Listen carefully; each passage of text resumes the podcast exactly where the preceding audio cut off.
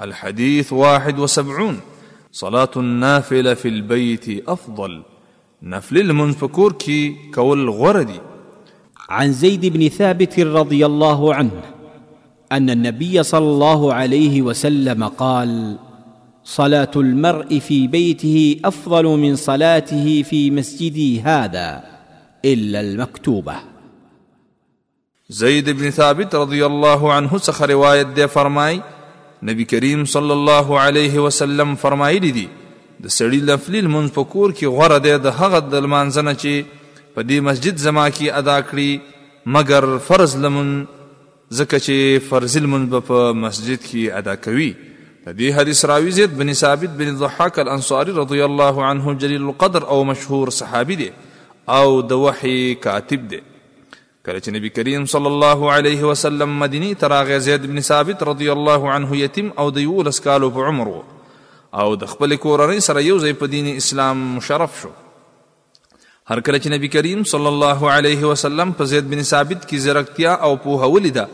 نو د هغې وخت لپاره یې کاتب مقرر کړ کومه چې به د الله تعالی له طرفه په نبی کریم صلی الله علیه وسلم باندې نازلېدله او دا ډېر لوی منقبت او فضیلت دی هغه وخت چې نبی کریم صلی الله علیه وسلم اراده وکړه چې بادشاهان دین اسلام ته راوبلي او هغه ته خطونه ولیږي نو زید بن ثابت رضی الله عنه ته حکم وکړ چې بعضې ژبې زده کړي نو زید بن ثابت رضی الله عنه په ډیر کم وخت کې بعضی ژبې زده کړې چې د هغې د جملې څخه سریانی او فارسی ژبې هم وي زید بن ثابت رضی الله عنه د ډیر لوړ خویونو خاون او خو صفاتو څښتن و په مدینه کې په علم زهد او تقوا سره مشهور او د مسلمانانو په منځ کې ډیر قدر او احترام لرلو د ډیر علم او پوخ عقل خاون عمر رضی الله عنه به چې کله حج ته تللو نو زید بن ثابت رضی الله عنه به یې په مدینه کې خپل نائب مقرر کړ زید بن ثابت رضی الله عنه د عثمان بن عفان رضی الله عنه په زمانه د خلافت کې د قران کریم په جمع کولو کې ډیر ستر خدمت تر سره کړ د احادیثو په کتابونو کې د زید بن ثابت رضی الله عنه د نبی کریم صلی الله علیه وسلم دنوی احادیث نقل دي